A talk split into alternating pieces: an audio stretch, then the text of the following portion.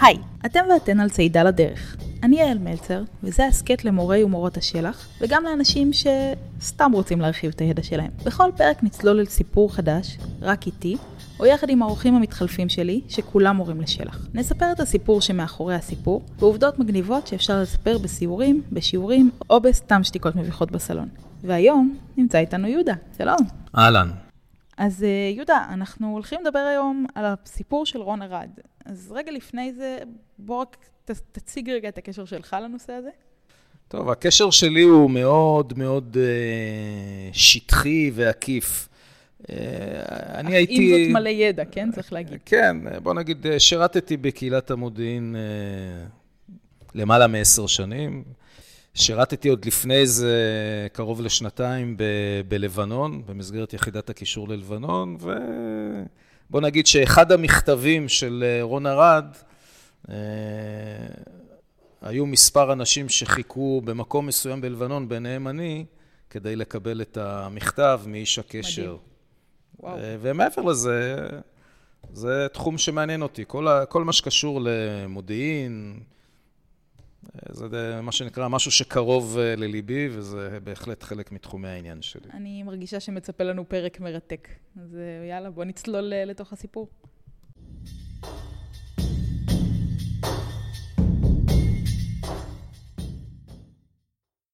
אז שלום יהודה. שלום יעל. מה נשמע? אתה רוצה רגע לספר לנו על עצמך? כן, אוקיי. שמי יהודה בן ציון, מורה לשלח ב-12 שנה האחרונות בכפר יונה, גר בעשר השנים האחרונות במושב כפר קיש. מה שאומר הרבה נסיעות. הרבה נסיעות, אה, זה נכון. מצד שני, יש לי גם הרבה סיבות טובות אה, לגור פה ולעבוד שם, זה בסדר. צריך להגיד מסתדרים. שאנחנו מקליטים כרגע בכפר קיש, ויש פה נוף אה, מרהיב מהחלונות. נכון, זו אחת הסיבות שעברנו לפה, גם בדרך כלל שקט פה. יש כרגע מעלינו טיסות אימונים של מטוסים, אבל מאוד שקט פה ומאוד יפה, את צודקת. טוב, אז אנחנו מתחילים. איך בעצם מתחילים לדבר על נושא כל כך גדול? על נושא כמו רון ארד, כן. אה, לטובת המאזינים שלנו. כן, זה באמת נושא גדול, ואפשר לכתוב, וגם כתבו על זה ספרים, היו תוכניות טלוויזיה.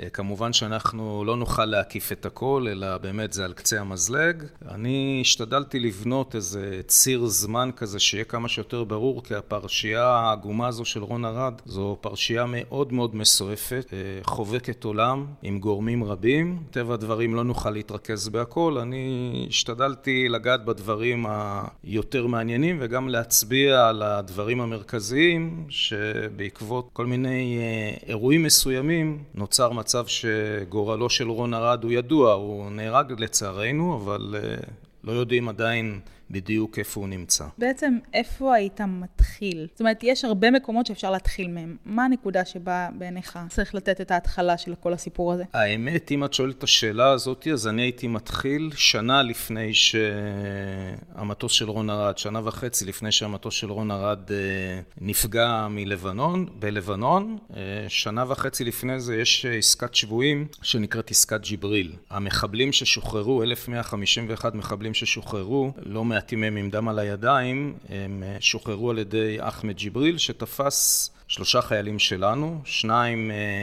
מחטיבת הנחל, אה, במסגרת השמונה שנפלו בשבי, ועוד הטנקיסט חזי שי.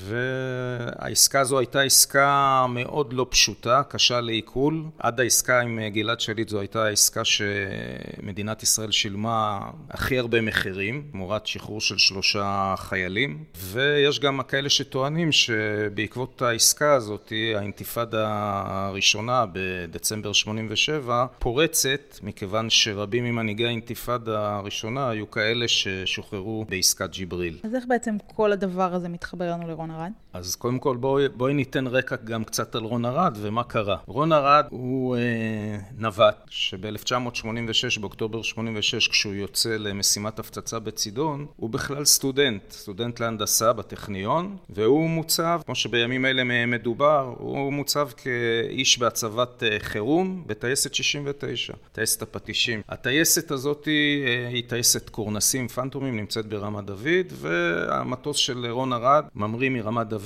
ומפציץ מתקני מחבלים פלסטינאים סמוך לצידון. כשאחת הפצצות האחרונות משתחררת, יש שם פגם והמרעום של הפצצה מתפוצץ ממש כמה מטרים ספורים מהמטוס, גורם לנזק בלתי הפיך והטייס והנווט נאלצים לנטוש. במהלך הנטישה שניהם נפרדים וכמובן צה"ל, חיל האוויר מתארגנים לחילוץ. בסופו של דבר הטייס ישי אבירה מחולץ על רגליים נקרא לזה של מסקר של מסוק קרב מסוג קוברה. כלומר הוא נתלה, נתלה על רגליים. נתלה על הרגליים, כן, ואיכשהו מצליחים אחר כך לנחות במקום אחר, הוא יושב ככה תופס את הרגליים. קודם הוא נתלה, אי אפשר להתעלות הרבה זמן, אז... צריך כוחות של נכון, נינג'ה. נכון. בקיצור, הוא בסופו של דבר תופס, יושב ככה על המחליקיים, והוא מחולץ ל- לישראל. את הנווט, את רון ארד, לא מוצאים, ובסופו של דבר יש גם דיונים להיכנס עם כוחות ל- לאזור צידון כדי לחפש, אבל בסופו של דבר, כשאין מודיעין מדויק איפה הוא נמצא, מחליטים לוותר, ואחרי מספר ימים ימים מגיע מודיעין שהוא מוחזק בידי ארגון שיעי בשם אמל. בחיים. בחיים, ואחרי פחות משבועיים גם יש מה שנקרא אות חיים. מנהיג אמל נביא ברי מודיע שהטייס אצלו. עכשיו זה טוב כי למעשה הוא לוקח אחריות על הטייס ויש לנו כתובת. עכשיו בהתחלה רון ארד מוחזק בדירת מסתור בביירות, אבל לא היה מודיעין מספיק כדי לחלץ אותו, אי אפשר לצאת למבצע חילוץ הירואי אם אין לך מודיעין, ואז מתחיל תהליך של משא ומתן מול ארגון אמל, כאשר בצד הישראלי מרכז את הדברים בעיקר אורי לוברני, מתאם פעולות הממשלה בלבנון, מסתייע באמצעות עורך הדין אמנון זיכרוני, ובאמצעות עורך הדין אמנון זיכרוני לוברני מצליח ליצור קשר עם אדם בשם ג'מיל סעיד, איש עסקים שיעי, לבנוני, שפעיל באפריקה, במדינה בשם סיירה ליאון, והוא גם מקורבו של נביא ברי. אגב, נביא ברי נולד בסיירה ליאון, אחר כך בגיל צעיר עובר ללבנון, ואותו ג'מיל סעיד תורם לנביא ברי אישית ולארגון אמל כספים רבים. סעיד קיבל את שם הקוד הסייר, נהוג לתת בקהילת המודיעין לאישים, לארגונים, למבצעים, שמות קוד, ולסייר היה בית בלונדון. והפגישות בין לוברני לסייר התקיימו סמוך לבית של הסייר, בבית שהמוסד שכר במיוחד למטרה הזאת. עכשיו, הסייר, באמצעות הקשרים שלו עם נביא ברי, הצליח להביא מכתב כתוב באנגלית באותיות דפוס, שנכתב על ידי רון ארד. המכתב הזה נשלח לבדיקה והסתבר שהוא אותנטי. באותם ימים רון ארד מוחזק עדיין בביירות, אצל קצין הביטחון של אמל, אדם בשם מוסטפא דיראני. אנחנו עוד מן הסתם נחזור אליו. אנחנו עוד נחזור אליו. כן. עכשיו, דיראני, שבאותו זמן עדיין היה, בוא נקרא לזה ממלכתי, קיבל הוראה מנביא ברי לצלם את ארד במצלמת פולרויד, וגם לדאוג שארד יכתוב מכתב באנגלית. תוך כדי העברת המכתבים ותמונת הפולרויד לידינו, מסתבר שדיראני מעביר את רון ארד מביירות לאזור בקעת הלבנון במהלך 1987. עכשיו, במהלך 1987 לוברני והסייר נפגשים עוד מספר פעמים, וישראל מקבלת בסך הכל ב-1987 שלושה מכתבים ושני תמונות פולרויד של רון ארד. צריך גם להגיד שרון ארד גם צולם בווידאו, אבל קלטת הוידאו הגיע לידינו רק 19 שנה אחר כך, ב-2006, תכף גם נסביר למה. עכשיו, לאחר שההוכחות שרון ארד בחיים, ושהוא מוחזק בידי אה, אמל, אה, נביא ברי הציב אה, למשא ומתן רשימת דרישות, ובהם, קודם כל תשלום כספי של 3 מיליון דולר, שחרור כלואים שיעים שישראל תפסה אה, במהלך השירות של ישראל בלבנון, והיו מוחזקים בכלא אל-חיאם. אלה תנאים שישראל יכלה לעמוד בהם. ומגיע... וכן, והמהלך הראשון, בתמורה להטבות שונות לאמל, היה צריך להיות קלטת הוידאו של רון ארד, וזה היה גם סוג של איזו חזרה כללית לקראת השחרור של רון ארד. עכשיו, הייתה פגישה גורלית שהתקיימה לא בלונדון, אלא בז'נבה, בשוויץ, הסייר פתאום אומר ללוברני, תקשיב, נביא ברי, מעבר למה שסוכם על שלושה מיליון דולר ועל הכלואים השיעים באל-חיאם, הוא רוצה לחזק את הקשרים שלו עם אש"ף, ועל ידי ככה גם לחזק את המעמד שלו בלבנון. שווה רגע אולי לתת רגע מילה על אש"ף, לטובת מי שאולי לא מכיר. אש"ף, ארגון שחרור פלסטין, זה ארגון גג לפת"ח, לג'יבריל וכך הלאה, הוא מייצג את הפלסטינאים. לוברני קיבל מנביא ברי את רשימת הפלסטינאים שנמצאים אצלנו, שהוא מעוניין לשחרר, ופה לצורך העניין הראה הטעות הקשה, או שזה נקרא לזה קו פרשת המים של מקרה רון ארד. ולמה הכוונה? יצחק רבין היה אז, זיכרונו לברכה, היה אז שר הביטחון, ולא סתם הזכרתי את עסקת ג'יבריל, כי בעקבות עסקת ג'יבריל רבין חטף ביקורת חריפה מאוד, גם בעיתונות, גם בדעת הקהל, על העסקה הזאת. בין השאר כי גם היה מחיר כבד של 1,150 מחבלים, שחלקם עם דם על הידיים, וגם שניים מתוך שלושת החיילים ששוחררו, בואו בוא נקרא לזה ככה, לא נפלו בשבי בנסיבות הירואיות, אלא פשוט נכנעו ללא קרב, ובעקבות הפולמוס הרב על העסקה הזאת, רבין חשש מעסקה נוספת שכרוכה בשחרור מחבלים פלסטינאים. עכשיו, המחיר שעמל דרש בהשוואה לעסקת ג'יבריל היה די נמוך, בטח בהשוואה לעסקת שליט, אבל הטראומה שנצרבה אצל רבין וגם הכעס שפתאום העסקה מקבלת shift, היא משתנה, ופתאום נביה ברי רוצה עוד בלים פלסטינאים, גרמה לו ל...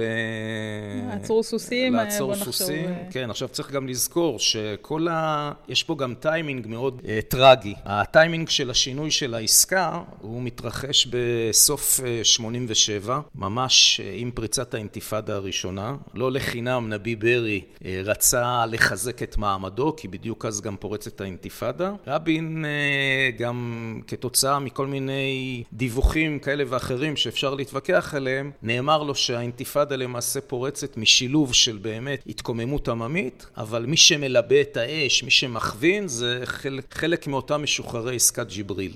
ורבין הרגיש שאין לו לגיטימציה לעסקה נוספת, שבה משוחררים מחבלים פלסטינאים, ולכן רבין בסופו של דבר דוחה את העסקה שהסייר מציע, ומורה ללוברני לנסות להתמקח עם הסייר ולהוריד את, ה...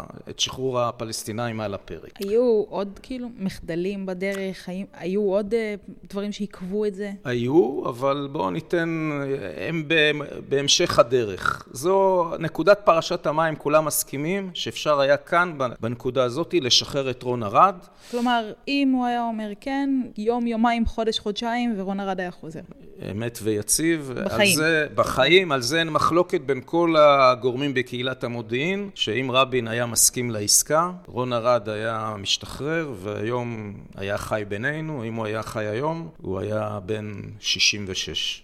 דרך אגב, כשהוא נופל בשבי, את זה לא ציינתי, הוא היה נשוי והייתה לו ילדה בשם יובל, בת פחות משנה. היום יובל היא כבר בת 38, נשואה ואימא לילדים. בואו נמשיך. אז כשהסייר מקבל את התשובה מלוברני, שלמעשה ישראל לא מסכימה לעסקה, מסכימה לכסף ולשחרור השיעים, אבל לא לשחרור הפלסטינאים, הוא אמר ללוברני באלה המילים, אתם טועים, חייבים לגמור את זה עכשיו, מי יודע מה יקרה מחר. עכשיו, הסייר אמר את זה לא כי הוא ציוני גדול, אלא גם היו לו אינטרסים משלו אה, לסגור את העסקה הזאת, אבל אה, כתוצאה מאותו שינוי שברי דרש והסירוב של רבין, העסקה לא מתממשת, ואז קורה משהו נוסף שמשבש את...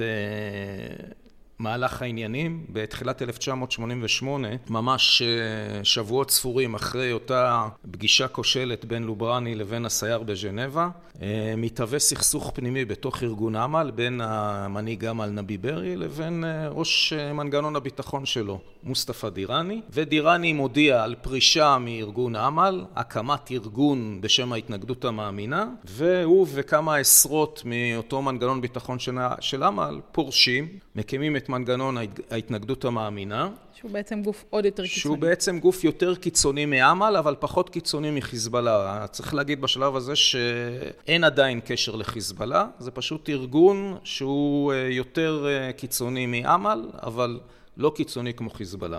צריך לציין שבאחת הפגישות ב-1988 בין הסייר לבין לוברני, עדיין יש פגישות, עדיין מנסים לקיים איזה מגעים, למרות שכבר די, די ברור שהסייר אין לו יכולת השפעה על אה, מוסטפא דיראני, אז אה, הסייר אומר באחת הפגישות ללוברני, איזה חדל אישים לוברני שלא יודע לשמור על הנכס הכי יקר שלו. אה, בואו נתקדם עוד כמה חודשים למאי 1988. אות החיים האחרון מרון ארד מגיע בתחילת מאי 1988. זה תאריך מפתח. איך נגיד את זה? יש מפה איזו הסתעפות, ואחר כך חוזרים לתאריך הזה. אם אני אתן דוגמה, זה כמו בניווט. אתה הולך בניווט, הגעת לנקודה נכונה, ואז אתה הולך לנקודה הבאה, ואז אתה מתברבר, אתה לא מוצא את הנקודה. אתה צריך לחזור לנקודה האחרונה שידעת בוודאות איפה אתה. אז לצורך העניין, אותה נקודה היא אה, תחילת מאי 1988, ועכשיו נסביר מה קרה שם. מה שקורה שב-1988, אני אתן קצת רקע, ואז אני אגיד אה, מה, מה קורה. מאוד מורה לשלח מצידך לתת רקע. כן. אה, ב-1988, מאי 88, יש מבצע שנקרא מבצע חוק וסדר, שחטיבת הצנחנים אה, תוקפת אה, את הכפר מיידון. הכפר מיידון נמצא מחוץ לרצועת הביטחון. אה, רק להזכיר, צה"ל באותם ימים יושב בלבנון, באזור שנקרא רצועת הביטחון. ומצפון לרצועת הביטחון אה, יש כוחות של חיזבאללה שממוקמים בכפרים והם יוצאים מדי פעם למערבים ומציבים אה, מטעני צד לצה"ל והוחלט מה שנקרא לפגוע באחד הכפרים הללו שבהם היה ידוע שיש מאחז אה, משמעותי של חיזבאללה. ואז באותו מבצע, מבצע אגב מאוד מוצלח של צה"ל, צה"ל הורג 50 מחבלי חיזבאללה ו... בצה"ל לא יודעים שיש לזה אפקט על גורלו של רון ארד.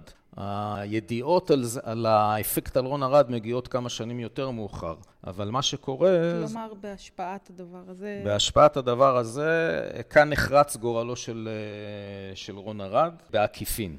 מה שקורה זה שיש כמה גרסאות. הגרסה הראשונה טענה שהשובים של רון ארד שהיו בכפר שמרוחק 50 קילומטר ממיידון, החליטו להצטרף אה, לקרב, אה, נטשו את אה, רון ארד בבית, בבית המסתור שבו הוא הוחזק. אגב, לימים הסתבר שבית המסתור הוא בכפר בשם נבי שיט, שמרוחק באמת 50 קילומטר מצפון למיידון, והם נוטשים אותו והוא מנצל את זה שהם נוטשים אותו והוא בורח. זו גרסה אחת. הגרס... בורח ונתפס. בורח, ואז יש כאלה שטוענים שהוא נתפס ונהרג, כאילו מחוסל, עונש על זה שהוא נתפס, על זה שהוא ברח, ויש אחרים שטוענים שגורלו לא נודע, יכול להיות שהוא נפל מאיזה צוק בתהליך הבריחה, יכול להיות שקרה לו איזה משהו והשרידים שלו, לא עלינו, נאכלו על ידי חיות בר. זו גרסה שחיזבאללה הפיץ. מפתיע אבל שלא יצאו תיאוריות קונספירציה שהוא עדיין בחיים ו... תכף אנחנו, אנחנו נגיע לזה, כי הפרשה הזו היא מאוד uh, מסובכת. Uh, אז זו הגרסה הראשונה. הגרסה השנייה דיברה על זה שאותם uh, שובים ששמרו עליו לא נטשו אותו, אבל נודע להם שקרובי משפחה שלהם נהרגו בקרב במיידון, ולכן באחד מהם באקט של זעם מחליט לחסל אותו. ומכיוון שהם יודעים מה המשמעות של זה, אז הם גם... אה, צריכים לכסות אחריהם. הם צריכים לכסות אחריהם, ולכן הם טוענים שהוא אה, ברח, והם כמובן קוברים אותו ב, כנראה באזור הכפר נבישית, לא ידוע בדיוק איפה. עד היום? עד היום, אני, אני אגע בזה יותר מאוחר. והסיבה, או הגרסה השלישית, מדברת שבלי, אה, מה שנקרא, בלי רצונם, קו נטוי, בלי ידיעתם, מגיעים כוחות איראנים של משמרות המהפכה, באותו זמן של הקרבות במיידון, וחוטפים את אה, רון ארד מידי השובים שלו, והוא... הוא בהתחלה מועבר למקום מסתור אחר בלבנון, ואחר כך הוא עובר אה, לאיראן. זו הגרסה השלישית, שבהתחלה היא נתפסת כגרסה הנכונה ביותר, לימים מסתבר שזו גרסה לא נכונה בעליל. מה לדעתך משלושת הגרסאות זו האופציה הנכונה? דעתך כמומחה לעניין, לא כן. תראי, יש מומחים הרבה יותר גדולים ממני. אני, להערכתי, ואני חושב שזה גם הערכה היום של רוב העוסקים בדבר, הוא מעולם לא, לא עזב את לבנון, לא עבר לאיראן. יכול להיות שבאיזשהו שלב האיראנים, או אולי אפילו הסורים, קצת תחקרו אותו, כי בכל זאת, נווט ישראלי שבוי זה, זה מידע מודיעיני יקר.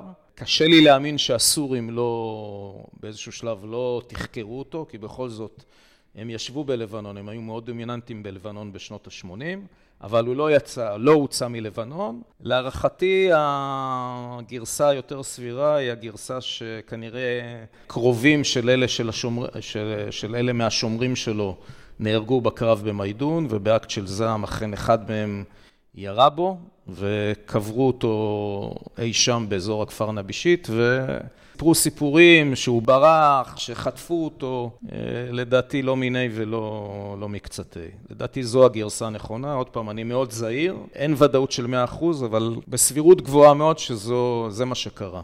כלומר, רון ארד לא בחיים ממאי 88. וואו. אה, צריך לציין שישראל אה, בהתחלה אין לה את המידע הזה. זהו, בדיוק רציתי לשאול, כי אני זוכר, אני נולדתי ב-91, ואני זוכרת כילדה גם בשלב, אה, כיתה ב', ג', ד', שהיינו תולים בלונים כחולים כל הזמן. נכון.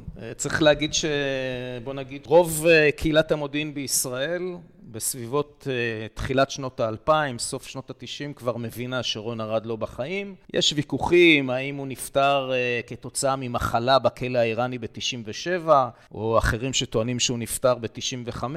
המיעוט, מיעוט מקרב קהילת המודיעין, uh, מדבר על זה שהוא באמת uh, נהרג כבר ב-1988. מבצעים מודיעיניים כדי לדעת מה עלה בגורלו, היו עד לפני, הייתי אומר, שנה וחצי. וואו. היה מבצע שחטפו מאפריקה גנרל איראני אה, מזדקן, שהייתה לו, הוא כנראה שירת בלבנון בתקופה שרון ארד הוחזק בלבנון, אה, חקרו אותו. המידע שהוא נתן, אני אומר בזהירות, חיזק את המידע שכנראה רון ארד אה, נהרג כבר ב-88 בלבנון. עכשיו, צריך להגיד שמכיוון שאין לנו, בנקודת הזמן האמיתית במאי 88, אין לנו את המידע שרון ארד כבר לא בין החיים. רוב אה, קהילת המודיעין אה, סבורה שהוא עדיין בחיים, ואז בין, אה, בין 1988 ל-1992 יש שורה של מבצעים מודיעיניים, בעיקר בדומיננטיות של אגף המודיעין בצה"ל, שנועדים להשיג מודיעין. אה, על רון ארד. אני אמנה כמה מהם, כי אלה מבצעים שהותרו לפרסום, יש כמובן מבצעים שלא הותרו לפרסום. המבצע הראשון מתקיים בדצמבר 1988, הוא נקרא מבצע בן בליעל. חוליה של אה, סיירת מטכ"ל מגיעה לאזור הכפר בית יאון, זה כמה קילומטרים בודדים מרצועת הביטחון, כמובן על אה, בסיס מודיעין, והיא חוטפת אדם בשם ג'וואד כספי, שזה, הכינוי שלו זה בן בליעל. עכשיו, ג'וואד כספי נחטף כי הוא היה עוזרו של מוסטפא דיראני, וכמובן רוצים uh, להפיק ממנו מודיעין. המטרה היא לא לחסל אותו, המטרה היא לחטוף אותו כדי להוציא ממנו uh, מודיעין. מה עלה בגורלו של רון ארד? עכשיו, uh, מסתבר שאין לו הרבה מידע על רון ארד, הוא גם כן, הוא נותן מידע שרון ארד היה בידיים של דיראני ותו לא. שזה לא נכון בעצם שהוא היה אצל דיראני? לא, זה נכון. הוויכוח בקהילת המודיעין הוא מה קורה החל ממאי 88. כלומר, מהרגע שהוא עובר לידיים של דיראני? מרגע שכאילו אה, נודע לנו, או שיש מודיעין שמדבר, שלכאורה הוא נחטף על ידי האיראנים. אצל דיראן הוא עד מאי 88, על זה אין ויכוח. גם ג'וואד כספי מדבר שהוא יודע על רון דירד אצל דיראני, אה, הוא לא יודע מה קורה אחר כך. הוויכוח שאמרתי קודם בקהילת המודיעין הוא שהתגבשה דעה ש... תכף גם נגיד למה, שרון ארד גורלו הוא לא בידי דיראני, אלא הוא בחיים והוא גורלו תלוי באיראנים. אני רגע חוזר לשאר המבצעים ואחרי זה נדבר גם על אה, מה שנקרא מגעים מדיניים כי ישראל פעלה במשולב, היא פעלה גם באמצעים אה, מודיעיניים צבאיים להשיג מודיעין על רון ארד ואם יש מודיעין טוב והוא בחיים לנסות לשחרר אותו והיא גם פעלה באמצעות מגעים דיפלומטיים מדיניים בינלאומיים כולל עירוב של אה, גורמים בכל העולם כדי להבין מה עלה בגורלו של רון ארד, לנהל משא ומתן, כנראה עם האיראנים, כי זו הייתה התפיסה שרון ארד נמצא בידיים של האיראנים. החטיפה של בן בליעל, של ג'וואד כספי, היא מוצלחת, אבל מודיעינית לא מפיקים מודיעין שעוזר לנו להבין מה קורה, ואז ביולי 89, מבצע נוסף של חטיפה, עוד פעם סרט מטכ"ל, חוטפת את המנהיג הרוחני של חיזבאללה בדרום לבנון, בכפר ג'יבשיט, שמו עבד אל כרים עובד, הוא מקבל את הכינוי הלם חמודות. הם חזקים בכינויים שם, אני רואה. כן. אגב, ההלם חמודות הזה שקל 130 קילו. כן, הלם חמודות. וגם כאן, בעקבות מודיעין מצוין שהיה לצה"ל, בעיקר מגורמים של המודיעין הצבאי, סיירת מטכ"ל חוטפת את עבד אל כרים עובד, הוא מובא למתקן חקירה צה"לי. הוא גם משמש סוג של קלף מיקוח, כי אנחנו חשבנו ש... המנהיג הרוחני של חיזבאללה בדרום לבנון, זה סוג של מקביל לאלוף פיקוד דרום של חיזבאללה, הוא אדם יקר ערך בעיני החיזבאללה, וקהילת המודיעין שלנו הופתעה שלמעשה חיזבאללה לא ייחסו לו חשיבות גדולה, וגם בחקירה של עובד לא עלה שום מידע פוזיטיבי או מידע בכלל שקירב אותנו לפתרון התעלומה של רון ארד. בפברואר 92' עוד מבצע שמנהל אגף המודיעין, המבצע נועד לחטוף את מנהיג חיזבאללה, לא את נסראללה אלא את קודמו, עבאס מוסאווי. רצים. נאסף מודיעין על מנהיג חיזבאללה מוסאווי, מסתבר שהוא מגיע לעצרת זיכרון בעיירה ג'יבשית, אותה עיירה שממנה נחטף השייח' עובד. עצרת הזיכרון היא לזכר אחד ממנהיגי חיזבאללה המיתולוגיים בדרום, רארב חרב, שיד עלומה, כנראה ציונית, דואגת לחסל אותו... על פי פרסומים זרים. על פי פרסומים זרים, דואגת לחסל אותו בסוף 84, ומאז כל שנה יש עצרת זיכרון, ומנהיג חיזבאללה מכבד בנוכחותו את אותה עצרת, ומחליטים לחטוף את מנהיג חיזבאללה כדי שהוא ישמש קלף מיקוח. מול רון ארד, זו המטרה. תוך כדי התהליכים מסתבר שאין יכולת לחטוף אותו בלי להסתכן, ובאלתור ממש של, של דקות מחליטים לחסל אותו, בלי לנהל דיון מסודר, מה תהיה התגובה של חיזבאללה אם המנהיג שלהם יחוסל, פשוט נוצרה הזדמנות מבצעית. רגע, מה... ולא לא היה כינוי? היה לו כינוי, אני מודה שאני כרגע לא זוכר את הכינוי. בקיצור, מה שמעניין זה שכאילו מישהו הגה, רגע, אז אולי במקום לחטוף אותו בואו נחסל אותו. זה ככה עובר את האישור של ראש אגף המודיעין ושל הרמטכ"ל, צריכים אישור של ראש הממשלה. דאקה שראש הממשלה שמיר הלך לנוח צהריים והמזכיר הצבאי שלו לא רצה להעיר אותו. נהדר. איכשהו בסוף מצליחים להעיר אותו, שהוא חזר מוקדם למשרד ומבקשים את האישור של שמיר לחיסול. אז שמיר בלי להניד עפעף אמר כן, כן, תחסלו אותו, אין בעיה. ואכן מחסלים אותו. וואו. התגובה, זה לא קשור לרון ארד, אבל התגובה הייתה מאוד, של חיזבאללה הייתה מאוד קשה. 40 יום לאחר מכן, חיזבאללה באמצעות חוליה של סיינים מקומיים שלו, מפוצץ את השגרירות הישראלית בבואנוס איירס בארגנטינה. אבל נחזור לענייננו.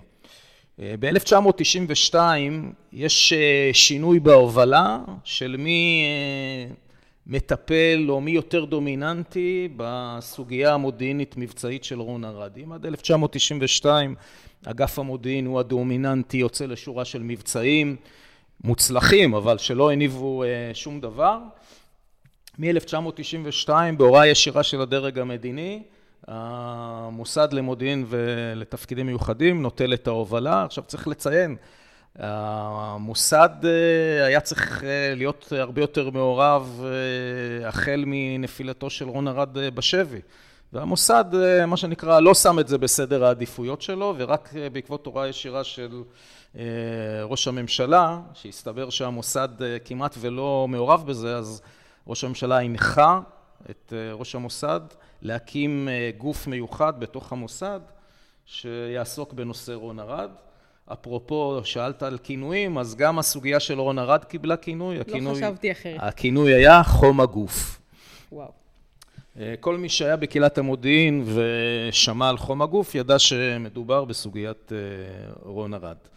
עכשיו, אה, בעקבות אותה הנחיה של הדרג המדיני, המוסד באמת מקים מנהלת מיוחדת שעוסקת רק בנושא רון ארד, והמנהלת הזאת מתחילה להפיק תוצרים מודיעיניים, והייתי אומר שבעיקר מקור הטעות או מקור הפרדיגמה שרון ארד בכלל בידיים איראניות והוא בחיים, באותה תקופה בשנות התשעים, זה בעיקר בגלל המוסד.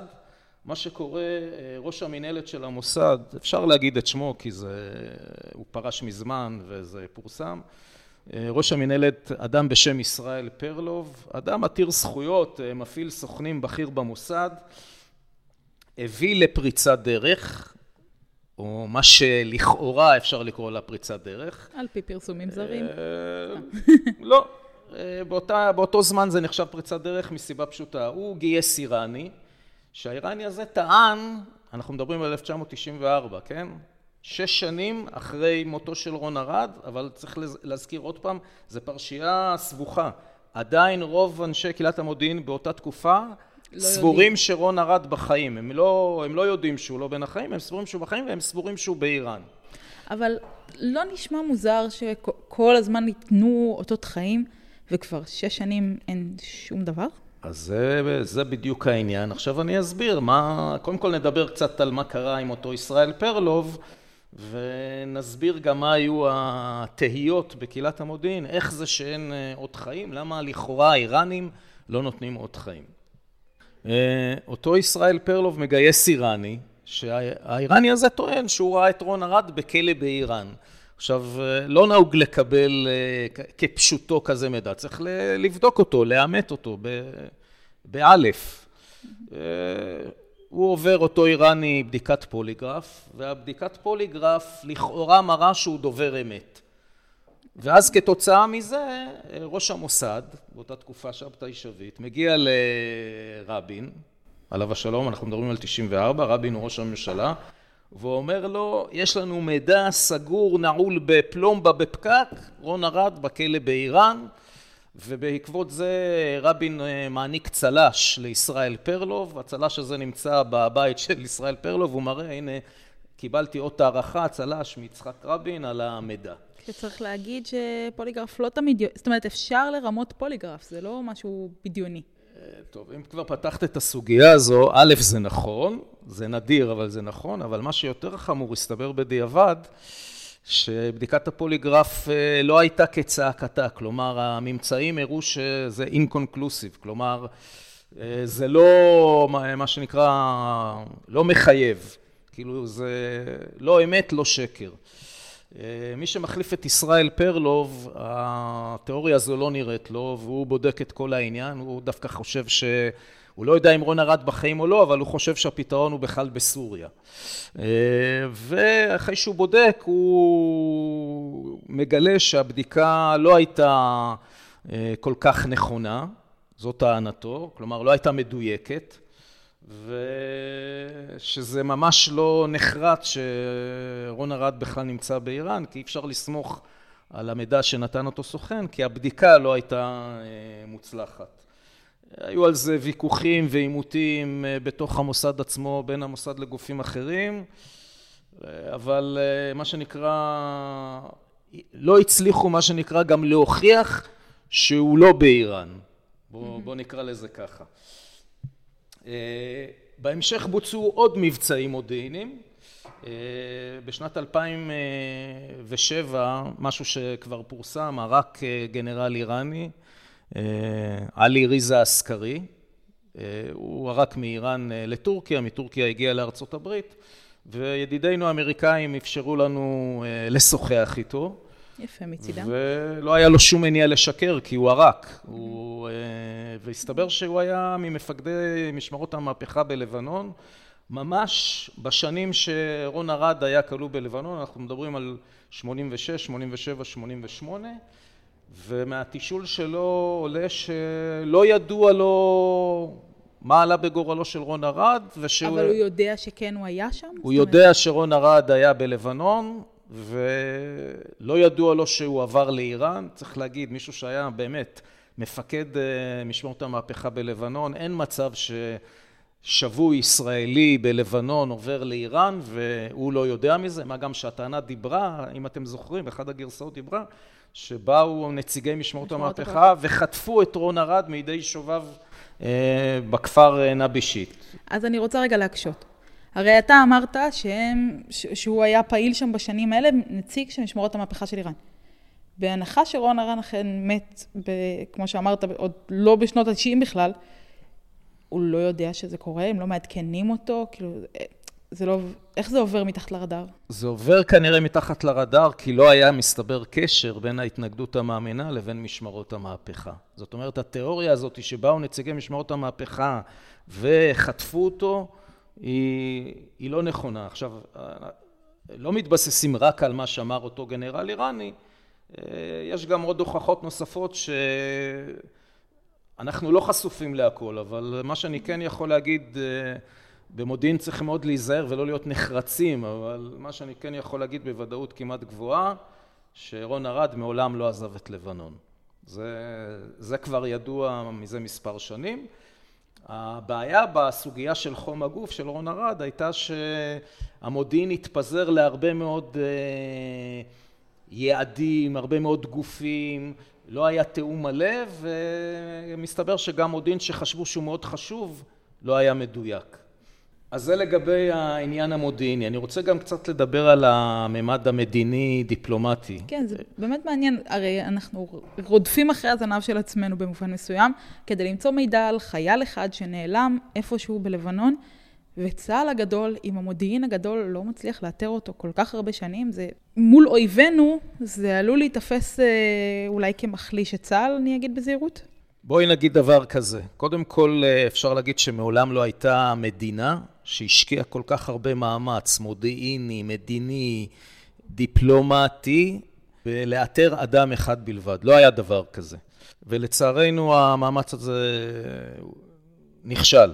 אני לא חושב שצה"ל נתפס כחלש או חלש מודיעינית כתוצאה מזה, מכיוון שאם כבר פתחת את הסוגיה הזאת, יש לא מעט מאמרי אה, דעה והתבטאויות של אה, גורמים בעולם הערבי, גם בלבנון דרך אגב, שדווקא מציינים לחיוב את העוצמה הישראלית, שהרגישות לחיי אדם, שאפילו אפילו שסביר שרון ארד אה, מת, עדיין ישראל לא מוותרת ומחפשת אחריו. היה גם איזה משפט מפורסם שאמר איזה לבנוני לפני כמה שנים, באנלוגיה לרון ארד, עדיף להיות ישראלי מת מאשר לבנוני חי. תראו איך לבנון מתייחסת לתושבים שלה ואיך ישראל מתייחסת לנווט שלה, שככל הנראה אה, נפטר. אז אה, זה דווקא ב, במידה מסוימת, הייתי אומר שזה דואלי. מצד אחד העולם הערבי אומר, ישראל אה, יכולה להיסחט על הרקע הזה של השבויים שלה, היינו ערך עסקת שליט, זה נקודת חולשה, ישראל מאוד רגישה. מצד שני זה גם נקודת עוצמה, איזה מדינה זאת שדואגת עד, אה, עד אחרון חייליה ולא מוותרת ונותנת כאלה משאבים. אה, דרך אגב, גם בעולם המערבי הסתכלו על זה באותה דרך. אה, גם האמריקאים וגם הגרמנים, דרך אגב, מי שהיה בעיקר מעורב במגעים הדיפלומטיים המדיניים היו הגרמנים. הגרמנים והאו"ם, פחות האמריקאים, מכיוון שלגרמנים באותה תקופה, שנות ה-90, יש להם קשרים לא רעים עם, ה, עם האיראנים, ואפילו הגרמנים בעצמם אמרו, זה נקודת אה, חולשה שלכם, הרגישות לשבויים ולנעדרים, אבל מצד שני אנחנו מעריצים אתכם שיש לכם כזו רגישות. אין דבר כזה באף מדינה אחרת בעולם. אז ככה טיפה אולי מה שנקרא יצאנו מהמבצעים המודיעיניים ומהמגעים המדיניים, אבל הסוגיה הזאת של הרגישות לחיי אדם בכלל ולשבויים ונעדרים בפרט היא סוגיה דואלית. זה גם נקודת חולשה, כי זה גם נותן אינטרס לאויבים שלנו לחטוף לנו חיילים. בדיוק. אבל מצד שני אנחנו גם נתפסים מדינה שמאוד אה, מסורה לאזרחיה, דבר שלא בר. קיים. לא- המאמה בר שמחבקת נכון. חזק ולא משחררת אף פעם. נכון. זהו, עד כאן הפרק להיום. מקווים שנהנתם. חלקו השני של הפרק יעלה בעוד כשבועיים. בפרק הבא נשמע את סוף הסוגיה של רון ארד.